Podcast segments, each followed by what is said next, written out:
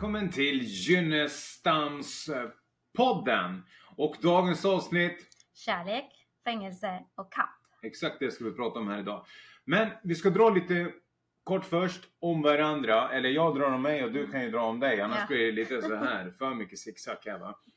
Eh, vi pratar ju i podden om väldigt, väldigt känsliga ämnen. Det gör vi. Och det kommer vi fortsätta göra också. Vilka är vi som gör det? Vid första videon vi gör det med oss och det här kommer bli ett kraftigt utelämnande. Det, det blir det. Och liksom, någonstans är vi djupt tacksamma för alla de människorna som vågar, vill och kan ställa upp och bjuda, bjuda på sin livshistoria. Alltså det är all respekt till alla er. Och det, det, ska vi göra ni, nu här också. Ja. Jag stakar mig lite nu, men Mm. så är det. Ja. I alla fall. Fredrik Hunnestam heter jag och jag började som socionom. Nej, det gjorde jag inte. Från början, alltså i begynnelsen, så levde jag som, som, som yrkeskriminell. Det gjorde jag. Ingen, ingen snack om den saken. Det ska man inte hymla med någonstans. Så liksom, det var mitt kall vad jag trodde i, i, i livet fram tills jag var 24-25 år ungefär. Jag hade aldrig haft ett vanligt jobb. Det fanns inte i, i, i, i liksom i min världsbild att jag liksom skulle gå till något jobb, jobba åt någon annan, vara en slav. Jag har lidit under alla de där äh, konstiga värderingarna som man har som kriminell. De här skeva uppfattningarna om världen, om sig själv, om samhälle, om rätt och fel. Liksom. Jag hade, min moraliska kompass den var helt snedvriden. Sedan utbildade jag mig själv som till socionom. Eh, jag, jag, hade, jag satte upp mål. Jag ska bli proffsfighter, jag ska bli socionom, jag ska bli företagare, jag ska bli miljonär. Då blir allting bra. För det var det samhället någonstans liksom projicera ut via sociala medier. Vad lycka är någonstans. För så här är det. Fastnar man i ett missbruk, fastnar man i kriminalitet. Du är olycklig. Ingen snack om den saken. Så vad händer? Jag uppnår alla de där sakerna. Men jag tar ett återfall. För vad hade jag glömt? Den, den största biten av allt. Alltså det, det, det, det är att ha sig själv med. Det finns ingenting, och jag, jag, jag vet det, som, som liksom... Man kan inte definiera framgång. Framgång för mig, alltså i materiella ting. Framgång för mig nu, vad jag vet, smärtsamt vet, det, det är att äga sig själv och vara lycklig i sitt jag. Så jag sprang ifrån mig själv. Jag tar ett grovt återfall och det resulterar i fängelsestraff. Varför gjorde jag det när det har gått bra? Jo, för jag har ett beroende. Men var det beroende som tog mitt återfall? Absolut inte. Det var mina dumma val, det var min arrogans och det var mitt högmod. Det var att jag trodde att jag är lite bättre än alla andra. Jag trodde att jag kan, kan ta lite droger igen. Jag trodde att jag kan dricka lite alkohol igen. Tydligen så kan inte jag det. Och det, det, det blev en smärtsam upplevelse som resulterade i 18 månaders fängelse andra gången vill jag säga. Så det var liksom kort in på två fängelsestraff jag drar på mig i det här. Från att inte gjort det här på länge så liksom jag har existerat, andas och levt i en skam sedan dess. Och det var väldigt svårt för mig att vända om med tanke på att, ja men Fortsatt missbruk, det är väl ändå om man kanske varit avhållsam från droger en kort period. Du har inte skaffat något jobb, du har inte gjort någonting. I, i, min, i min värld, det kanske låter hårt men, men du har inget återfall, du har ingenting att falla ifrån. Liksom. Och det, det, det, det var det jag gjorde liksom. Och det, det var både bra och dåligt. Alltså det, det, det bra, det att jag kom tillbaks. Det dåliga, det var att det tog längre tid än vad, vad, vad det skulle ha tagit. Så det är min bakgrund och det, det är liksom varför jag gör mina poddavsnitt nu, det är, det är dels för mig att visa att vet ni vad, jag har gjort fel, jag har vänt om, jag står upp för rätt saker idag återigen. Och sen så får jag den här liksom tiden från, från och till att jag kan jobba som socionom igen. För det kommer jag göra 100% jag får läka lite och jag får liksom visa någonstans kapitulationen liksom. Acceptansen och förståelsen för att,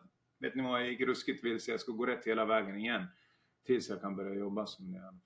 Så det är en kortare bakgrund om mig, fast jag tycker det var ganska lång. Ja. Det var alldeles perfekt. Snäll tjej. Mm. Ja, Jenna Gynnestam heter jag. Jag kommer från en liten annorlunda bakgrund. Jag har jobbat som lärare i många år och levt ganska skyddat svenssonliv med uppfostran av mina tre barn som är idag vuxna. Eh, ja, med, med barn, hund, radhus och sådär. Eh, jag brinner otroligt mycket för kvinno och barnfrågor, både som eh, kvinna som har varit utsatt eh, och eh, för barn då både som mamma och lärare. Så därför har jag med mycket av de frågorna i mina poddavsnitt. Eh, vill poängtera att det inte är barnens far som har utsatt mig. Eh, men Exakt. ja, precis. Så eh, jag har ingen erfarenhet av kriminalitet eller fängelse eller någonting eh, alls. Eh, så det, det blev ett spännande möte mellan dig och mig. Mm. Mm. Vi har lärt varandra mycket. Och då ska vi komma in på dagens avsnitt och det heter Kärlek, fängelse och kamp.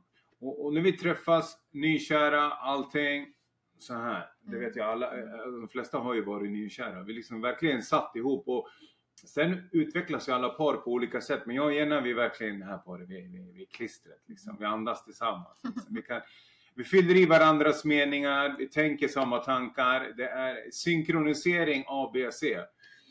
Och i det här så, så jag har ju ett fängelsestraff och jag tänker herregud hur ska jag komma undan det här då? Det går inte. Jag hade en hovrättsförhandling och jag hade överklagat. Jag, jag, jag säger i tingsrätten, det finns inte en chans att jag vill ha en behandling, jag vill in i fängelse säger jag.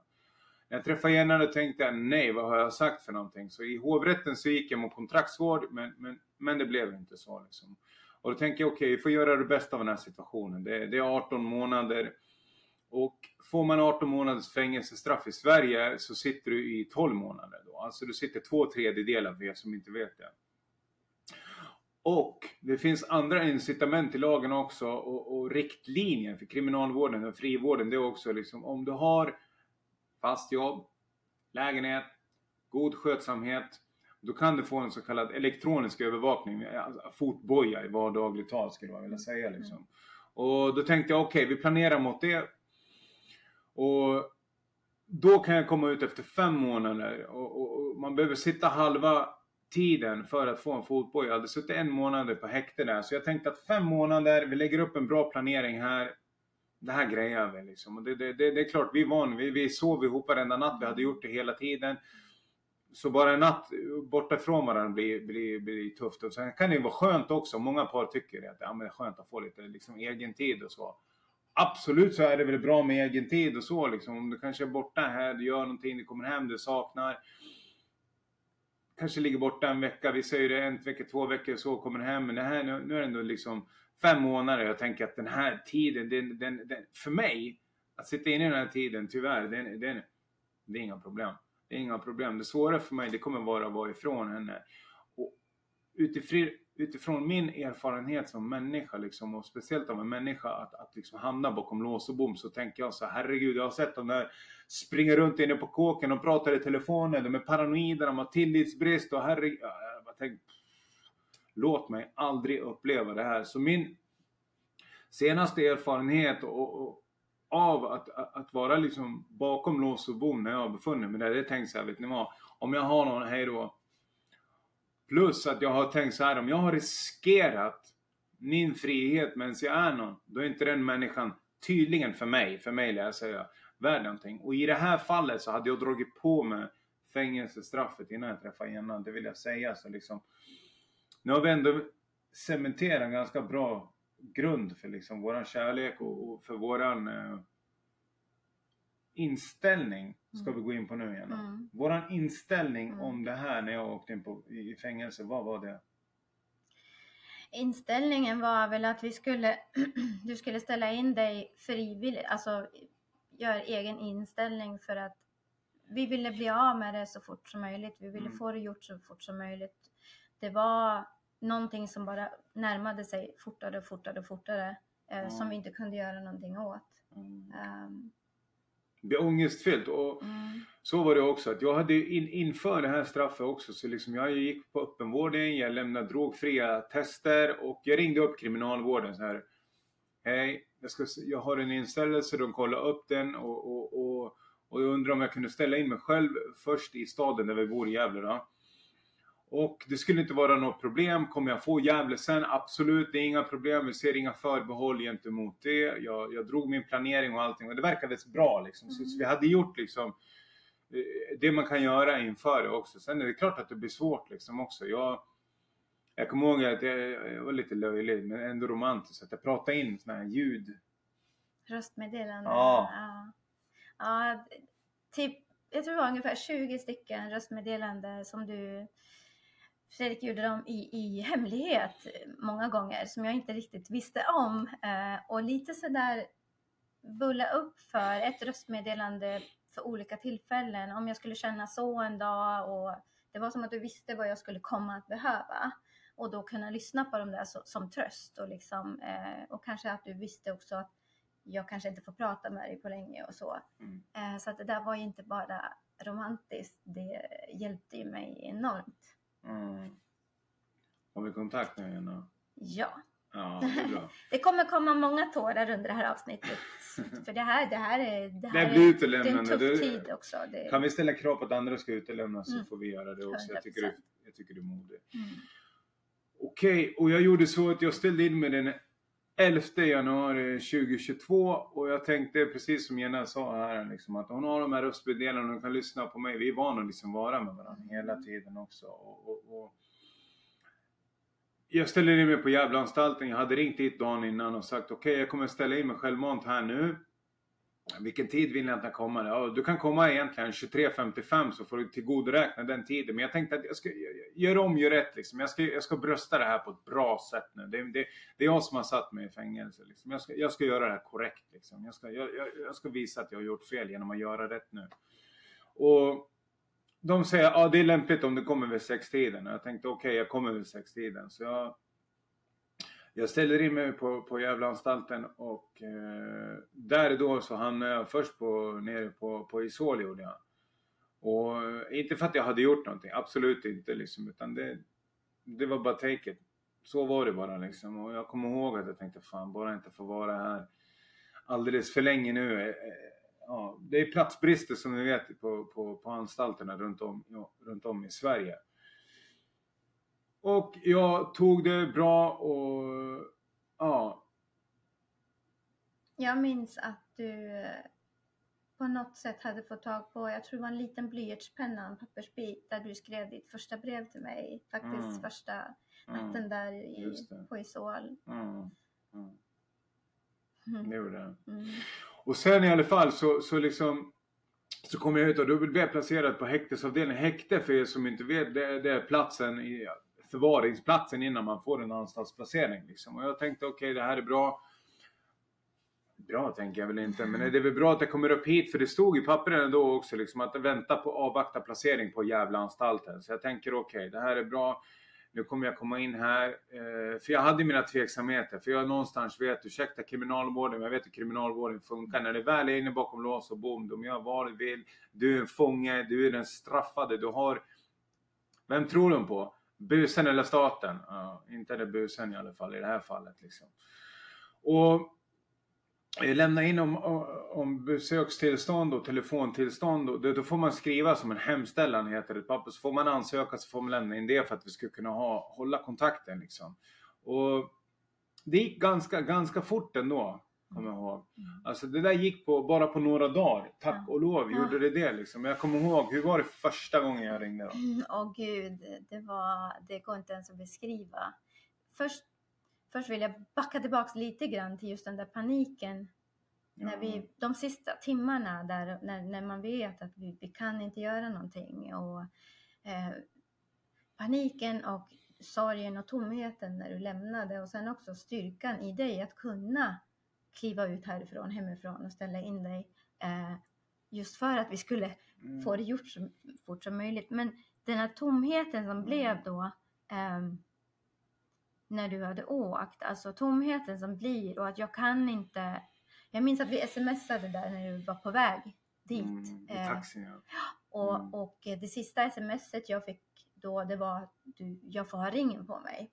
Och Mm. jag svarade på det och då ser man ju när någon, när du har läst, Mm. men det lästes aldrig, det öppnades aldrig. Och den tystnaden som blev då, och då visste jag att nu kan jag inte få tag på dig. Du liksom, eh, det var, det, det går inte att beskriva den, den sorgen och den tomheten och, och, och då också inte heller veta när jag skulle ens få höra din röst nästa gång. Så att när du väl ringde, det Mm. var, ja då bröt jag ihop totalt.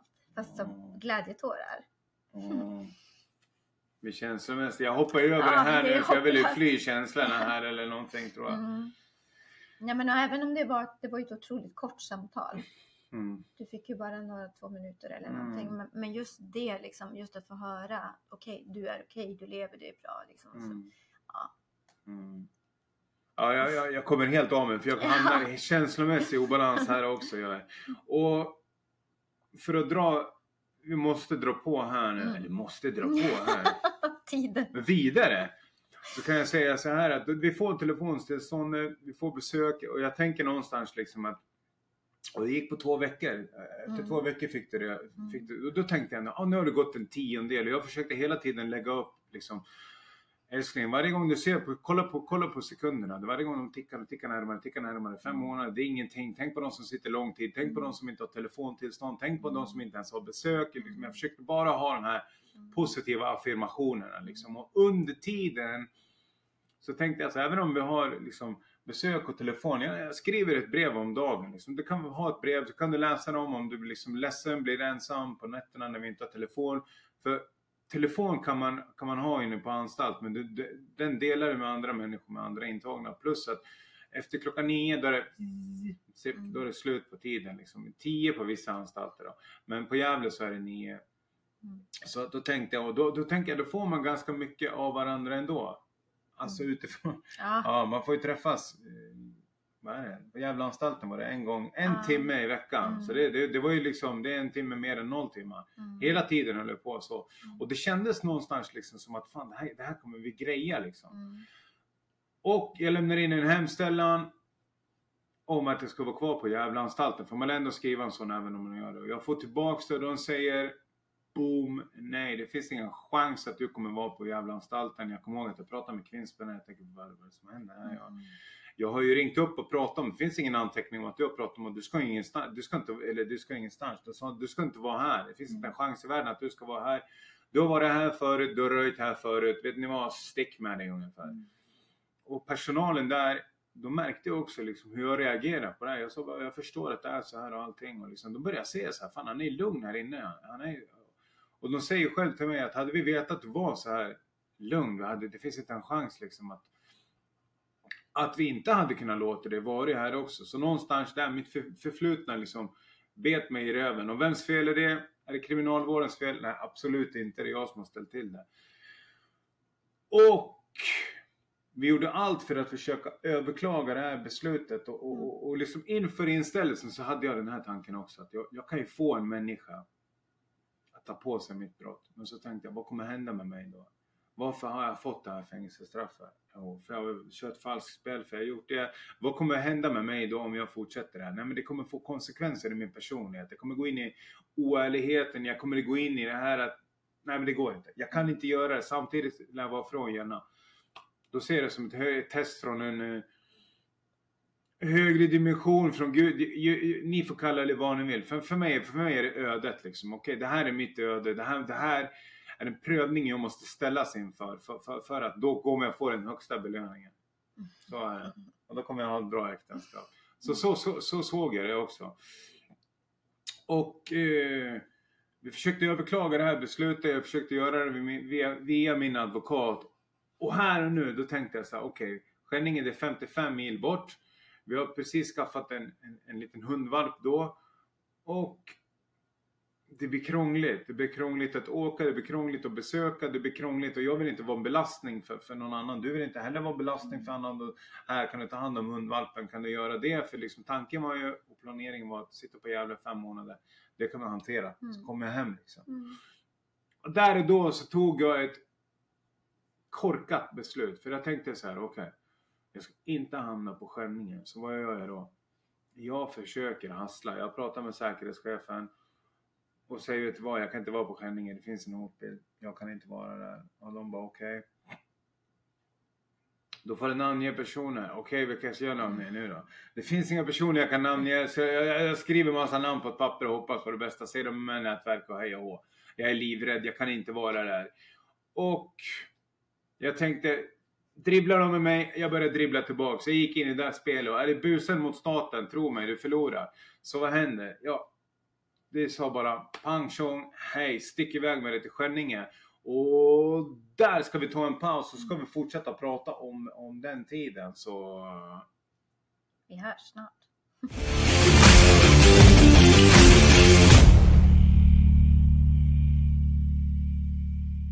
Okej, välkommen tillbaks till Gynnestamspodden. Jag kommer ihåg dagen när du åkte till Skänninge som igår. Eh, jag känner magen direkt knyter sig och tårarna upp i halsen på en gång. Ehm, det fanns liksom ingenting att göra. Vi hade ju provat allting. Eh, och jag minns den dagen du skulle åka. Jag hade fått ett besök faktiskt. Ett sista besök, sista gången jag fick träffa Fredrik. Eh, innan han skulle åka. Och när, jag visste tiden du skulle åka på ett ungefär. Men tystnaden som blev då och inte veta när jag skulle få höra din röst igen. Eh, hur funkar det på, på den där anstalten? Jag hade hört mycket eh, om just den anstalten också. Eh, Men jag visste inte hur någonting funkade. Jag visste inte hur det skulle bli. Vi hade ju fått telefontillstånd redan. Vi hade liksom kommit igång med allting redan. Hur blir det nu?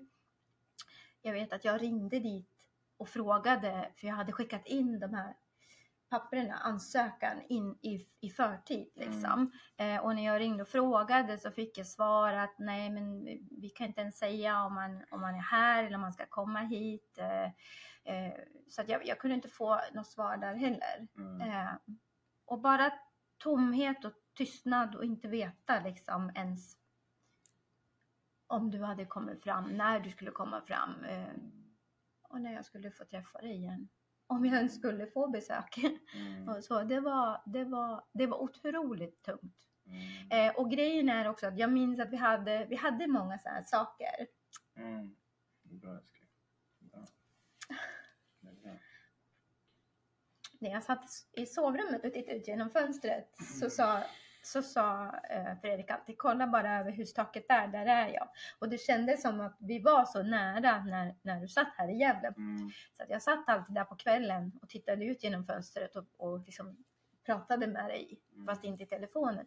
Så att när, när det blev Skänninge 55 mil bort, då kändes det som att det hände någonting mer. Det liksom, Mm. du, du bara slets ännu mer bort. Det blev liksom ett större Distans i distansen. Ja, precis. Ja. Exakt så. Så att det Mm. blev otroligt tungt. Och så fick vi som börja om liksom allting. Mm. Och när jag kommer till Skänninge så, så ja där är så. Vi får börja om med, med, med, med, med tillstånden. Men det kommer i alla fall. Man ska vara glad att man får det. För många får det inte. Många får inte ens besök. Så jag tack och lov och jag Mm. försökte hela tiden återigen ha de här positiva affirmationerna. Liksom. Jag kommer ihåg att jag, jag, jag skrev brev innan jag åkte. Att jag hoppas hon får det här. Jag, Mm. Kommer ihåg att jag skrev, tänk så här, tiden går, du behöver inte vara orolig över mig, jag kommer sköta mig, det finns ingen chans att jag liksom sabbar den här planeringen som vi har, det är inte lång tid, tänk på hur många som har lång tid. Det kunde vara värre, det kunde vara att jag får sitta hela straffet, jag kommer komma hem så fort det blir ljust, så kommer jag komma hem. Mm. Så liksom jag gjorde verkligen de här positiva affirmationerna liksom, för, att, för att hålla, hålla det uppe, liksom. Ja, hålla verkligen. hoppet uppe. Liksom, för, för Det var konstgjord andning. Ja. Och när jag kommer in där på Skänningen så, så jag kommer ihåg i början för vi blev bortskämda på Gävleanstalten också. För det var den här covid-regeln och det gjorde att man fick ringa hur mycket som helst på ett 20-kort. Ett 20-kort, 20 markeringar. En markering är 2,5 till 3 minuter beroende på. Skulle jag vilja säga. Så då kunde man ha det hela tiden. Men nu när jag kom till Skänningen då är det att du måste jobba in en lön och en lön på anstalter. Den är varannan vecka får du lön. Cirka 650 kronor får du. Liksom. Ja, har du städer kan du få 750. Har du köket kan du få 850. Så du får ungefär ish 1300 i, i månaden. Och det finns så kallade 100 kort man kan köpa och det är 100 gånger 5 alltså det, det är det du får ringa liksom. Det är 5, 5 timmar liksom. Mm. Och det ringer på ett 100 kort. Jag kommer ihåg, jag hade inga pengar, jag hade inte jobbat in någon lön så man kan få ett sånt här förskott som man betalar av sen. Eh, och då fick jag tre, tre vad heter det, 100 kort. Så jag hade 15 timmar på att ringa på, på, på 14 dagar tills jag kunde få det igen. Och från att vi pratade hela tiden så det blev liksom, jag kunde ringa och säga god morgon. Vi blev bortskämda, Mm, väldigt mm. bortskämda liksom. Och jag såg det ändå liksom som något väldigt positivt. Jag försöker hela tiden säga det. Kolla, tänk på de som inte har kontakt. Tänk att vi får höra varandras röst. Tänk det här är bra. Och det börjar jag göra. Vi börjar skriva liksom som, som en, en bok med varandra. Mm. Liksom. Som hette 180 dagar döpte jag den till. Mm. För det var ungefär de dagarna jag skulle vara borta enligt planering. Så jag började skriva liksom hur det kändes från min sida och det, det, det var väldigt, det väldigt, började väldigt abstrakt från min sida och det, är helt, det, är så, det låter ju helt dramatiskt det här. Men så var det och liksom det, det, det här förstår man inte om man inte har varit ifrån varandra. Liksom. Det, det är så liksom. Mm. Och just de här maktlösheten för mig att inte kunna förmedla hur jag är och ovissheten för Mm. dig och inte veta när man hör av sig. Liksom. Mm. Så är det för dig också. Ja. Jag, jag har ju en annan kontroll. Det är jag som styr när jag kan prata. Du kan aldrig styra det. Nej. Det där kan man aldrig liksom förstå. Mm. Och i alla fall, jag kommer in på Skänninge och jag pratar med, jag har en fantastisk frivårdare där. Liselott från Gävle, perfekt för frivården liksom. Och hon är grym chef där. Och det de säger inne på, på anstalten och det jag säger när jag pratar med en frivårdsinspektör, inte med chefen Liselott, är liksom, vet du vad Fredrik, du kommer inte få någon, någon fotboja efter, efter fem månader. Så, Va? Vad pratar han om liksom? Det var de här villkoren när jag ställde in mig på. Först var skärningen, ska jag inte få någon fotboja? Jag tänkte, vad FAN är det här?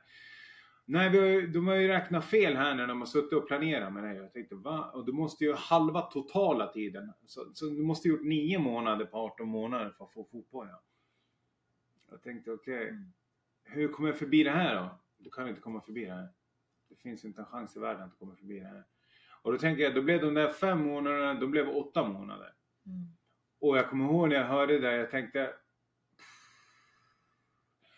Och med min bakgrund och den här kampen som blev då, först kampen att komma dit, sen kampen att liksom... Det blev åtta månader, sen kampen med tillit också. Mm.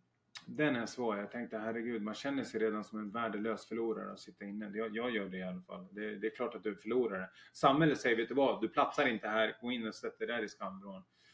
Under en period.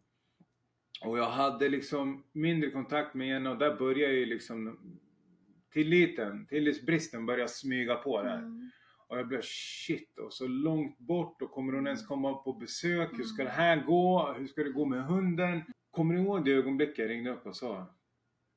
Ja, det gör jag. Och det är ju liksom, det är ju inte några dagar extra direkt utan det var ju, det var ju lång tid extra och då tyckte jag, som du berättade, du försökte liksom göra det positivt. För för mig var det bara ett evigt mörker. Jag tyckte det var otroligt eh, jobbigt. Ehm, så när jag fick veta det då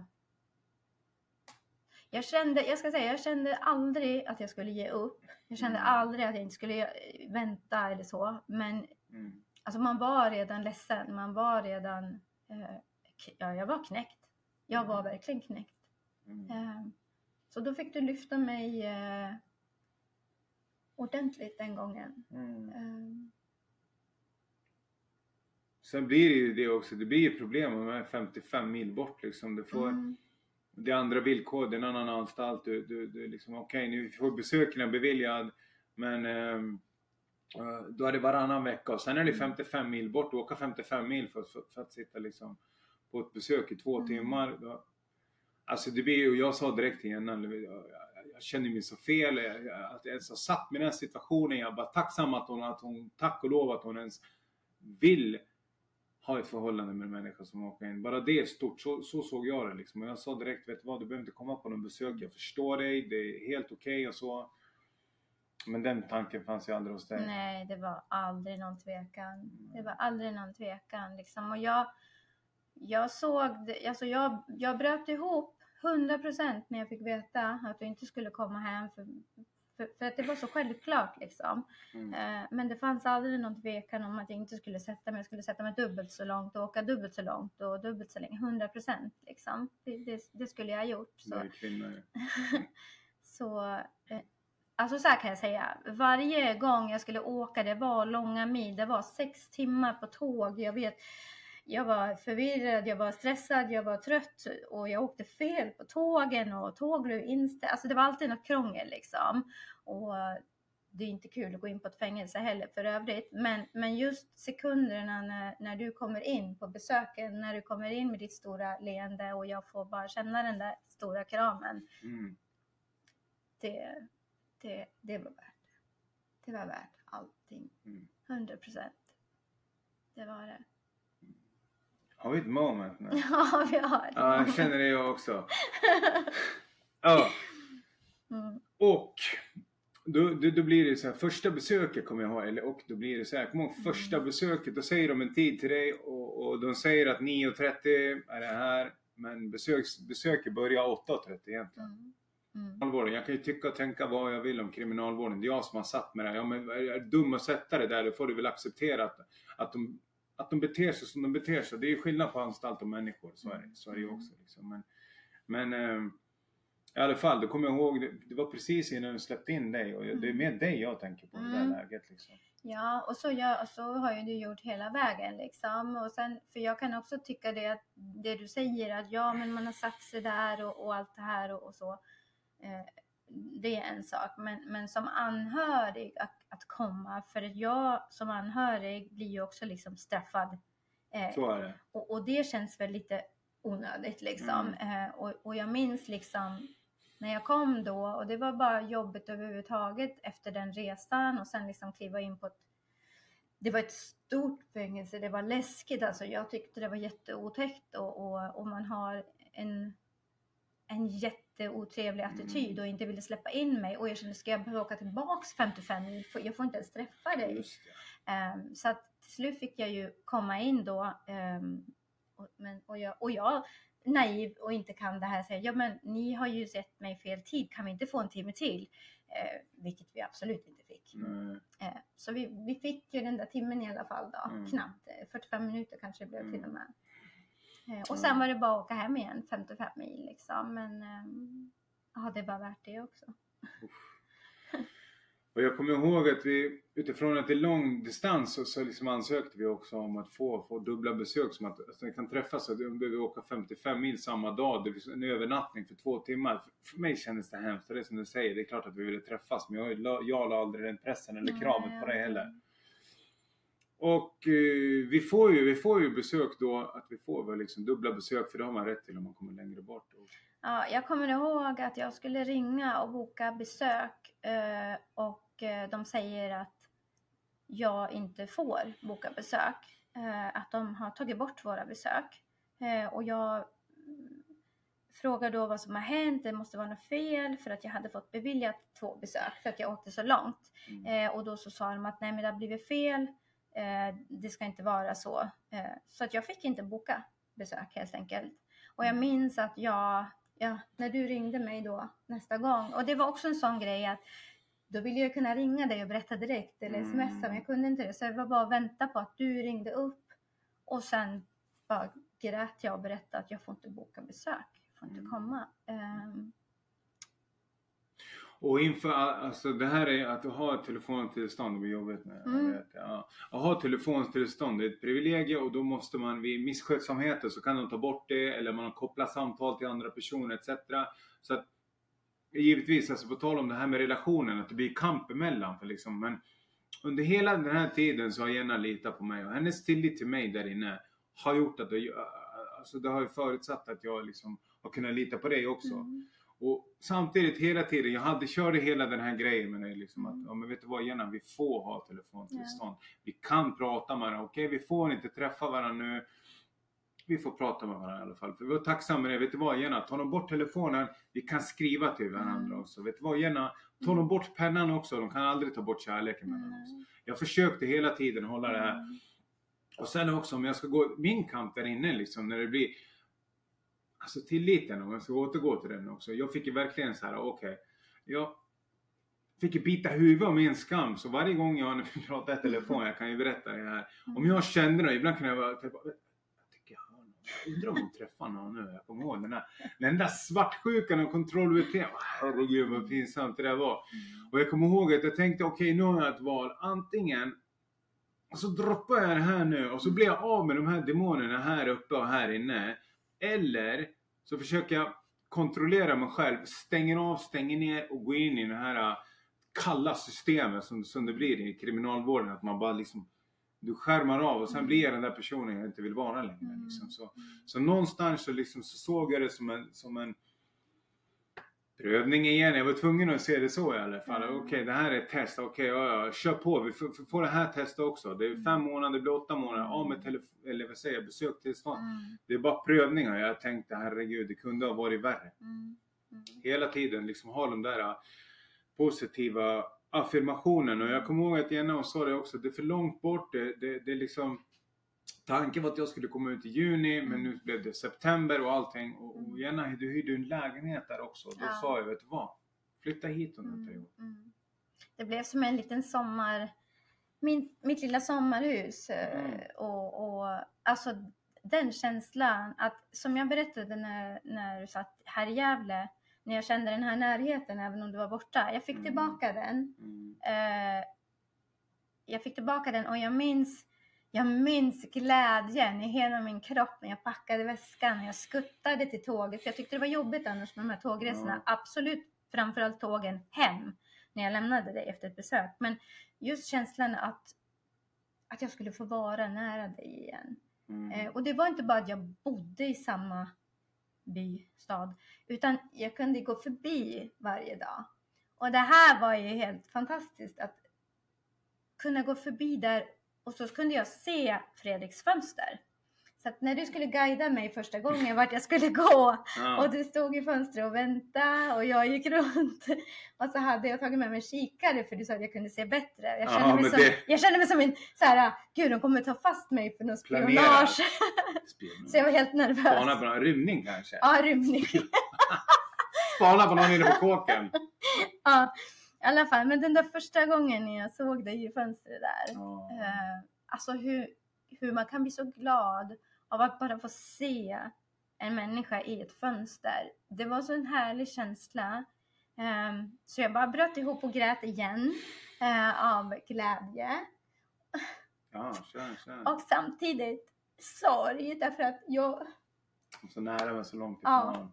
jag, vet vad kunde liksom inte Mm. Du kunde inte komma ut, jag kunde inte Mm. komma in. Men liksom vi stod och du höll handen mot fönstret och jag knäppte kort. Och, Ja. och just att kunna ta den där promenaden varje dag och se dig, det hjälpte mig enormt ja, det var helt mycket. otroligt och som tur är, Mm. tack och lov, så, så låg liksom ja, Jag bodde på E-huset, det finns ju A, B, C, D, E, F i Sol. I alla fall. Och då bodde jag på E-huset så tack och lov så höll de på att bygga. De håller på att bygga ut Skänningeanstalten. Jag vet inte om de är klara. Jag, jag, jag, bryr mig inte heller. I alla fall, och då kunde Jenna precis gå där. Och kunde, och jag kommer ihåg, du kunde inte se för det, de gör ju fönsterrutorna så att de ska du kan inte, du kan inte se ut så jag drog med gardinen fram och Mm. tillbaka, fram och tillbaka. De har ju såna här plastgardiner som sitter, jag bara vevar med den allt jag hade. Ja, jag ser det, jag ser det, jag ser vart det rör sig. Det var så vi såg vart det var, Mm. ett fönster var första Mm. gången.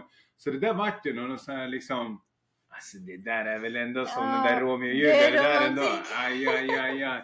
Och där höll vi kärleken bakom galler vid liv Ja. liksom. Och plus att jag bet huvudet av skammen varje gång jag kände den här tillitsbristen. Och det var inte bara en gång kan jag säga. Men det där botade min tillitsbrist och det, det, botade, det tog bort väldigt mycket i mig. Liksom. Mm. Och det tog bort väldigt mycket i dig. Vi fick en helt annan kommunikation. Så liksom någonstans i, i bakom de här gallrarna Mm. så, så, så växte, växte min, min tillit. Och, och Mm. på den andra sidan så hjälpte du mig väldigt Mm, mycket. Liksom. mm. Just, just, ja, du var en fantastisk kvinna under hela tiden. Och vi hade de där romantiska ögonblicken. Och Mm. tanken var ju också att, att, att, att det liksom, eh, okej nu ska vi gå på planeringen, vi ska köra, vad heter det, eh, efter åtta månader ska jag fotboja. Förutsättningen för att du ska ha en fotboja, det är att du har haft en permission också. Liksom. Så, och, och förutsättningen för permission är att ja, har du skött det så är det, det är lugnt. Liksom. Det är inga problem som helst. Liksom. Och jag kommer ihåg att jag skulle få eh, jag skulle, den 11 juli så skulle jag få permission. Mm. Och efter permissionen, nedklassning, pension, fotboja, september liksom. Och eh, nu flyttar vi fram lite. Vi flyttar Mm. fram ungefär till juni här. Mm.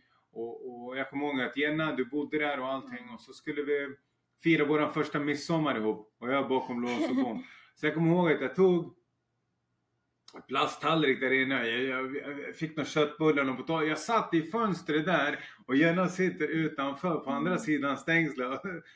Jag satt och åt liksom Mm. en midsommarmiddag Midsommar med det. Tillsammans. Ja, det var, det var, det var, ja, vi gjorde det bästa av en dålig situation med andra ord.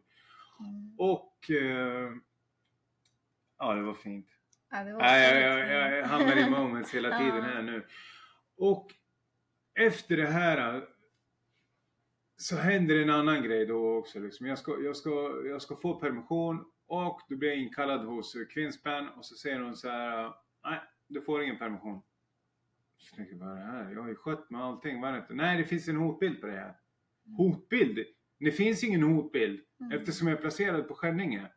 Och då tänkte jag, shit varför gör jag? Men jag tänker, det här, det här är, det här är, är de frisk eller? Alltså, Mm. eh, någonstans här började jag höra varför folk inte tycker om kriminalvården. Jag bara Mm. kände för, äh, exploderar jag här inne nu? Ska jag ringa upp min kvinna och säga, vet du vad? Det blir tre månader till. Det här är fem månader, det blev ett år. Och jag tänkte, nej det här är inte rätt. Jag sa med all respekt, lyssna på mig nu. Det finns en förvaltningsrättsdom, för så långt drev vi det. Mm. Från den 15 mars på att Kriminalvårdens underrättelsetjänst yttrar som att nej, det finns ingen hotbild för Fredrik Junestam, därav placeringen på Skänninge. Och jag sa att vad har hotbilden ute i livet att göra? Det var ju hotbilden ju, hade ju att göra med inne på anstalten, att det skulle vara farligt. Jag ljög. Och jag bet i det sura äpplet och sa, vet du vad? Jag ljög där, men gör så här. Jag ska skicka dig domen. Jag, jag, jag, jag ringde upp dig, jag kommer ihåg, jag sa så här, vet du vad? Vi har lite problem nu, jag ville inte liksom Mm. måla svarta spår på väggen liksom. Men, men för jag tänkte att det här måste ju funka för det här, det här, det här kan ju inte ens liksom kriminalvården, inte ens de kan göra så här med mig den här gången. För det finns förvaltningsrättsdom där de säger någonting. Men vi ska prata vidare om det i pausen nu för du ska torka tårar och jag Ja. kanske ska få lite tårar. Ja. Helt så. Okej, så stay Tune.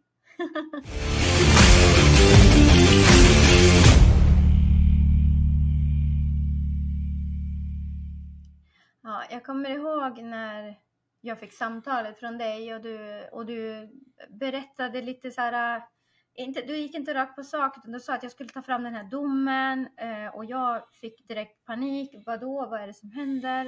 Eh, och du försökte lugna mig liksom och säga ingen fara och, och sådär. Men jag måste ta fram den här domen för du behövde den för det hade inträffat någonting eller dykt upp någonting och så.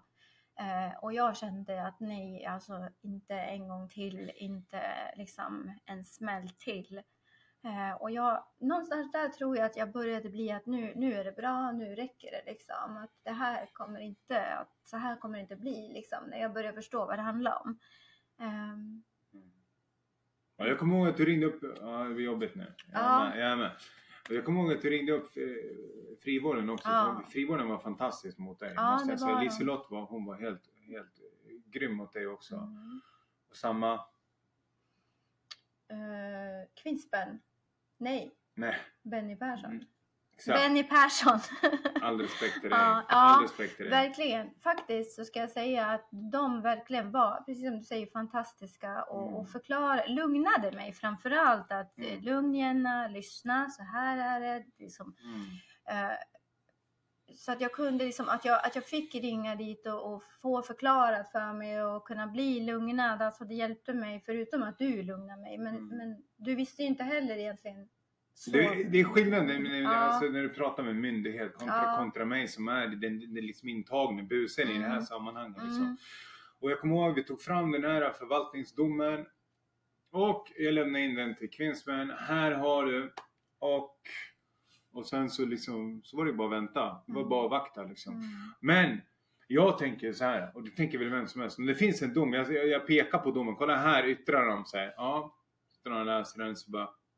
Ja men det här gäller inne på anstalten. Ja exakt sa jag. Mm. Om jag då säger att det finns en hotbild på en anstalt och ni säger att det finns inte ens på anstalt. Jag har aldrig ens pratat om ute i det vida livet liksom. Och sen också så säger jag så här också. Och den dagen jag blir frigiven då, om det finns en hot, varför ska ni inte släppa ut mig då? Vad ska ni göra då? Ska ni hålla kvar mig i fängelse? Mm. Jag sitter och tän- alltså, det, ni hör ju själv liksom, lyssna på det här. Mm. Så liksom frustrationen är här men det kommer ingen vart med det. Det, det är liksom saber. Det är bara tålamod hela vägen liksom. Och, och då blev det så här liksom att jag får ju det här beslutet att ah, men det är väl klart att du ska, det är klart att du ska ha en permission. Liksom. Det, det, det finns ingen liksom förbehåll mot det. Och du får ju en, en, en, en tid här för permissionen. Permissionen skulle vara den eh, 11 juli Mm. Skulle permissionen vara. Liksom. Jag fick en permission och jag tänkte fan vad gött, underbart det här. Och, liksom, och, då, då, och, och vi hade ju- du bokade ut besök liksom. Att, och jag kommer ihåg att till och med Jenna, till och med Jenna här började också tänka så här, men du vet, kommer du, kommer du få, de här kan du, tänk om du tar bort det, ska jag boka besök? Och, och du vet, jag bara, nej det är lugnt, det är lugnt. Men jag tänkte bara, nej, de kommer, Mm. kriminalvården kommer med all säkerhet på något sätt förstöra det här. 100% liksom. Och säger jag det för att det är stackars mig som hamnar i fängelse? Absolut inte det. Stackars henne som är där ute. Det är så jag ser det med, för hon har inte gjort någonting liksom. Så de anhöriga som lider när människor sitter inne, det, det, det, det, det är de som blir straffade mina. Jag, jag, jag, jag får ju brösta tiden helt enkelt, så är det. I alla fall så kommer jag ihåg det, det, det är liksom sista besöket inför permissionen och nu när man får en, en permissionstid så får du 0 till 90 dagar kan de sätta liksom. Där kan du sätta permissionen. För mig satt de dag 90. Och nu har det gått 83 eller 84 dagar på den här liksom. Jag skulle ha bara permission. Jag tror vi hade besök ja, 5-6 dagar efter. Ja. Skulle jag ha permission. Mm. Och de slussar ner mig. Sluss det innebär att man går från avdelning med en kriminalvårdare. Och så ska man gå till besöket och precis innan jag ska gå in till besöket. Förresten. Ja, säger jag. Du får ingen permission. Ha det bra på besöket. Hejdå. Mm. Dumt tänkte jag. Jag tänkte nej vad är det här liksom. Jag, jag, jag blev helt uppriven. Jag blev helt galen. Och jag tänkte här nu ska jag gå in till Jenna. Ska jag, ska jag ljuga för henne nu? Vad nej. Och jag kommer ihåg när jag gick in och hon bara varför? Ja, hon bara du sitter ju här. Jag kommer ihåg att fråga varför är det så konstigt? Jag tänker vet, älskling jag får ingen permission. Ja, du bara verkligen rev av plåstret. Mm. Den, den paniken jag hade då. Mm. Jag fick verkligen inte luft alltså. För att i det, att du inte fick permission, så följer ju allt. Mm. Alltså allt följer. Det, det var ju ingenting liksom som du skulle få efter permission. Och då var det definitivt ingen komma hem på någon fotboja eller nedklassning eller förflytt eller någonting liksom. Nej. Eh, jag minns att jag satt i ditt knä och bara blåhöll dig och, och grät. Jag fick ju en panikångestattack alltså. Mm. Mm. Och på ett sätt så, så sa du då också att du var glad att jag var där, att du fick säga det till mig när jag var där än att man hade sagt det liksom. För det här var ju verkligen avslagets avslag kan jag känna någonstans Mm. liksom. Att vi hade fått många avslag och det var liksom massa motgångar. Men det här var verkligen ehm, Ja, det var tyngst. det var tyngst. Mm. 100% tyngst. Men ändå glad att du kunde liksom få ge mig det beskedet och, och, och ta emot mig. Mm.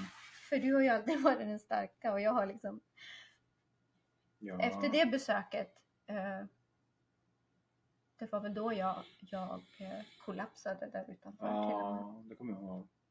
Eh, Och då har jag suttit, för er som lyssnar så har, har liksom eh, planeringen var ju fem månader och här och då när jag får det här beslutet då har jag, ju- då har jag suttit halvår. Har jag, gjort. jag har suttit sex månader och liksom, då skulle jag väl liksom då blev det fem månader till där, där och då som jag, som jag hade kvar. Liksom. Så då, då har jag suttit halv... Ja, det, blev ju lång, det blev bra mycket längre tid än, liksom, än, än vad vi hade planerat, än vad vi visste från, från början också. Liksom. Och, ja. och det var just det som var så otroligt jobbigt, alltså som, som, som tog så mycket av en. För att å ena sidan så har vi pratat mycket om, att tänk om jag hade vet, tänk om man hade vetat liksom hur det skulle vara. Men å andra sidan så känner man att man närmade sig hela tiden att du skulle komma hem och så drogs det undan. Ja. Och så var du längre bort igen och så var det längre bort. Alltså att man fick, man liksom bara Ja. tappade hela tiden och det, det tog enormt mycket Mm. kraft. Men vi hade ändå, vi bestämde oss ändå för att hela tiden liksom, vi kommer fixa det här, Ja, ja, nu ja. liksom regroup, vi planerar om, nu gör vi så här. Och, ehm, men, eh, men Mm. eh, den resan hem var tung. Mm. Och då bodde jag ju inte kvar Nej, i precis. sommarhuset heller så jag hade den här långa resan till Gävle ensam igen med vetskapen om att det blir ingen permission, det blir ingen nedklassning, det blir ingen fotboja, du kommer inte hem. Mm. Eh, Och jag kommer ihåg också hur, hur liksom hoppet var. Det var när man ska få en fotboja då kommer de hem och så mäter de av hemma i lägenheten Mm. och så, så ska du sätta på dig liksom en grej nere på ankeln här. Liksom. Elektronisk övervakning. Mm. Och då, det var typ någon timme, två timmar innan det besöket Mm. som de ringde upp liksom. För Mm. du ringde i frivården också Mm, mm. och sa att vet ni vad, de har ställt in det här. Va? Och till och med Mm. frivården, de, de blev ju också så, vad det som Ja. händer liksom? Vad fan? Ja, de förstod verkligen ingenting liksom. Ehm, Mm. och vi hoppades ju också liksom att det skulle kunna gå att överklaga och liksom Mm. in i det sista. Men då att få samtalet liksom där en timme innan att vi, för att det var ju fär, allting var färdigt. Jag hade gjort klart där hemma, de skulle komma. Och timmen innan så bara, nej det blir liksom... Så att det var, Och jag hade god skötsamhet då. ja det var det Det var det också, det fanns ingen, det liksom, jag tänkte någonstans att liksom, fan är det här som händer? Mm. Ursäkta FAN-ordet där Mm. men Men jag kommer ihåg inne där och inne, inne på anstalten. Sen, sen, sen liksom hur, inne på en avdelning pratar vi inte så mycket om nu för det, för det är ganska irrelevant. Men det jag vill säga är att o- o- om det, hur, hur, hur liksom det blev här.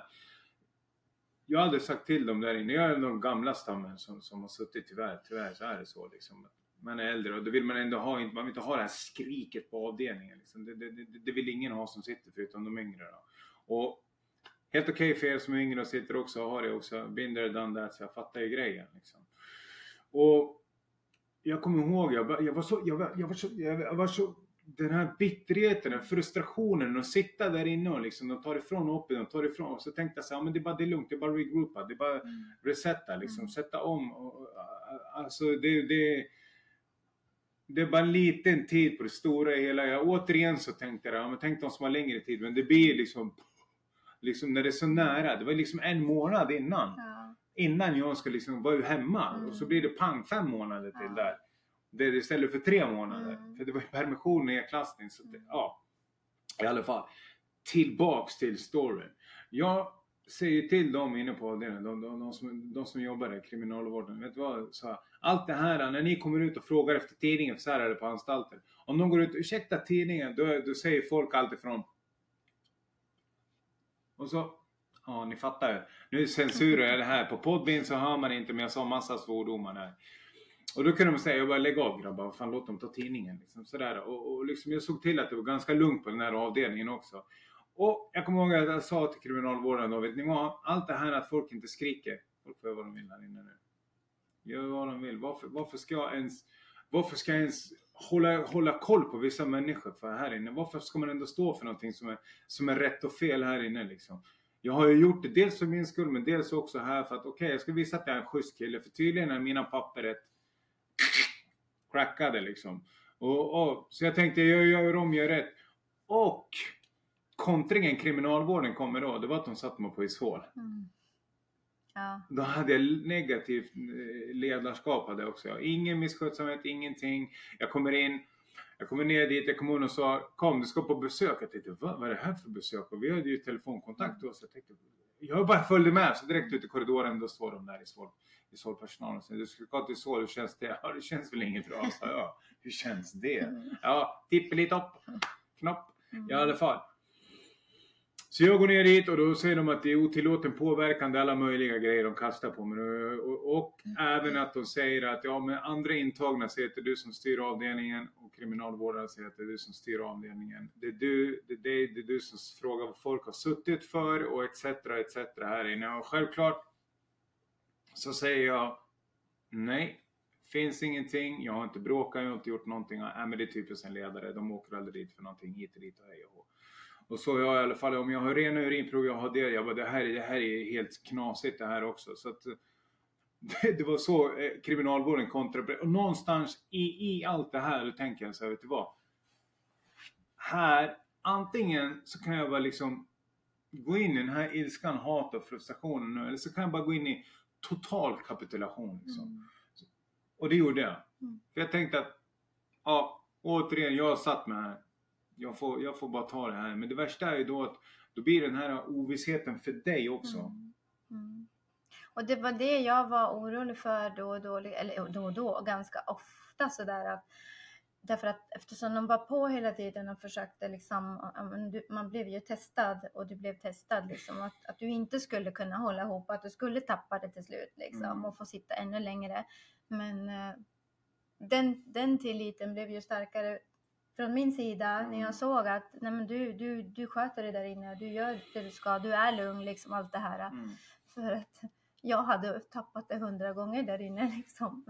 Ehm, så det var ju jag tacksam för.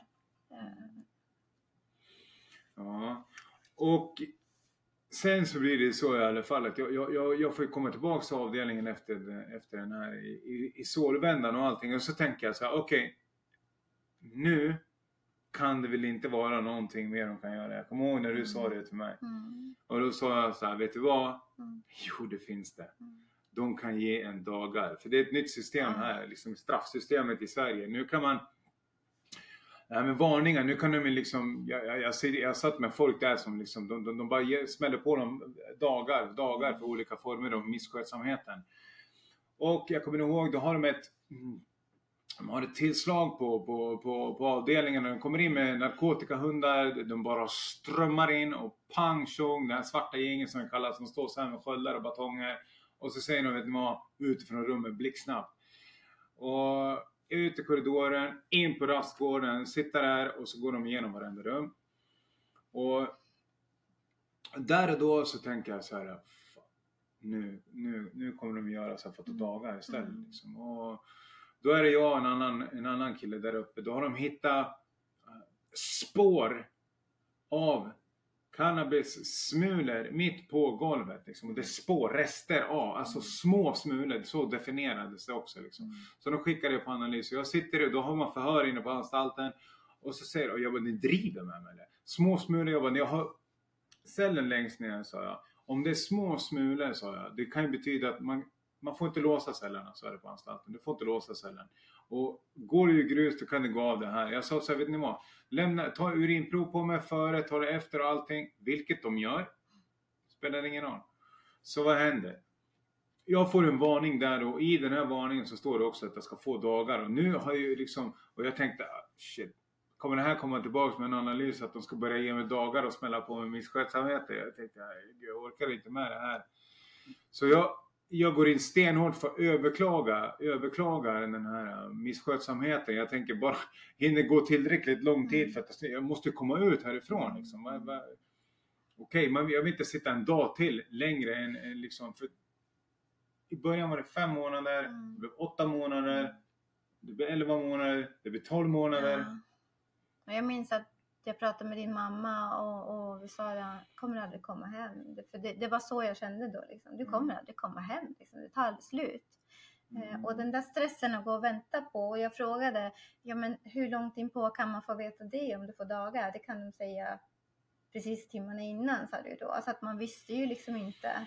Man, man gick återigen med den här ovissheten. Eh, som jag sa, nu kan de inte göra något mer. Men, Mm. men det bara kom mer och mer och mer.